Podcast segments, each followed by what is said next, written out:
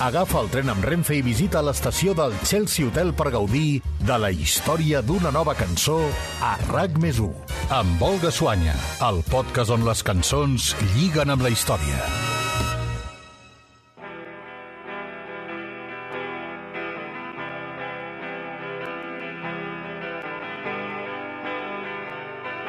Irlanda del Nord, 12 d'agost de 1969. La policia local de Derry prova de dispersar la manifestació d'un grup de nacionalistes contra la desfilada d'una cofradia protestant. Els agents són incapaços d'entrar a la zona i el govern britànic ordena el desplegament de l'exèrcit per restaurar l'ordre, provocant uns disturbis que s'allarguen durant tres dies i que s'estenen per tot l'Ulster. Amb aquest fet, que es coneix com la batalla del Brookside, s'inicien els Troubles, el període de violència que durant gairebé 30 anys va enfrontar unionistes i independentistes irlandesos i en el qual es contextualitza la història d'aquesta nova entrega del Chelsea Hotel.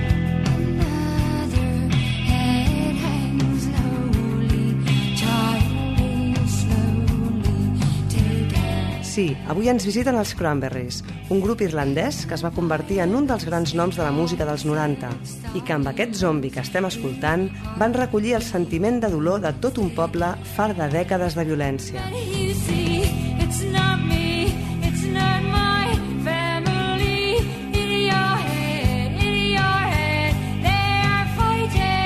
La cançó no relata un episodi concret del conflicte nord-irlandès, però és una composició creada arran de la impotència i la indignació que la vocalista i la líder de la banda va sentir després d'un atemptat de l'ira, i aquest és el seu crit.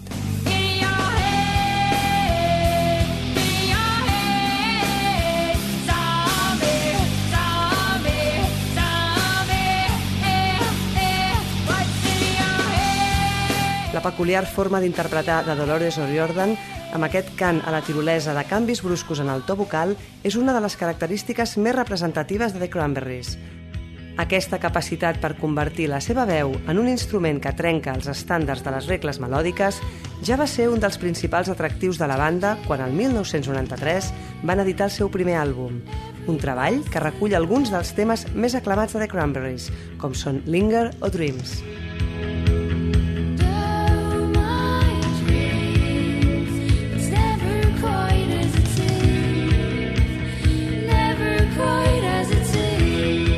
O'Riordan passa del xiu-xiueig més discret al crit més estremidor, donant una càrrega emotiva molt potent a les cançons de la banda. I en el cas de Zombie, una peça emmarcada en un sentiment de desesperació, n'és una bona mostra.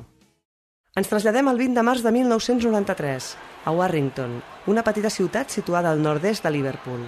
Els carrers del centre són plens de vianants que passegen aprofitant el sol del primer cap de setmana de primavera. De sobte, dues bombes esclaten sense previ avís. La primera explosió causa el pànic entre la multitud i empeny la gentada cap a una zona on hi ha amagat un segon artefacte, dins d'una paperera que detona un minut més tard. L'atemptat, reivindicat per l'IRA, va provocar un total de 54 ferits i la mort de dues criatures.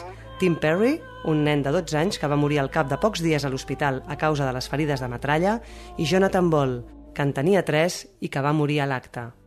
La mort d'aquests dos infants va causar una gran commoció tant en la societat britànica com en la irlandesa, i el gran desplegament mediàtic que es va fer per donar cobertura a l'atemptat i a les seves víctimes va mobilitzar milers de persones que van alçar la seva veu demanant la fi de la violència. Una d'aquestes veus va ser la de Dolores O'Riordan, que en estat de xoc per aquella tragèdia va escriure els versos que acabarien convertint-se en tot un cant antiterrorista i un plany contra la guerra. Such silence. Who are we mistaken? La vocalista de The Cranberries, que en aquell moment tot just tenia 21 anys, va començar el tema a casa seva en format acústic i pocs dies després el va compartir amb la resta de la banda. Els sons de guitarra estripada que hi van afegir i el ritme dens acompanyat de la veu característica de Riordan alternant greus i aguts van transformar aquella primera proposta en un dels grans temes dels 90.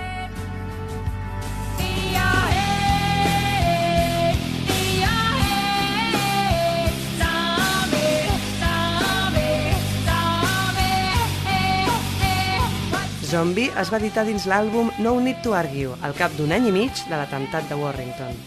El disc va arribar a les botigues al setembre de 1994, just pocs dies després que l'Ira anunciés un alto al foc.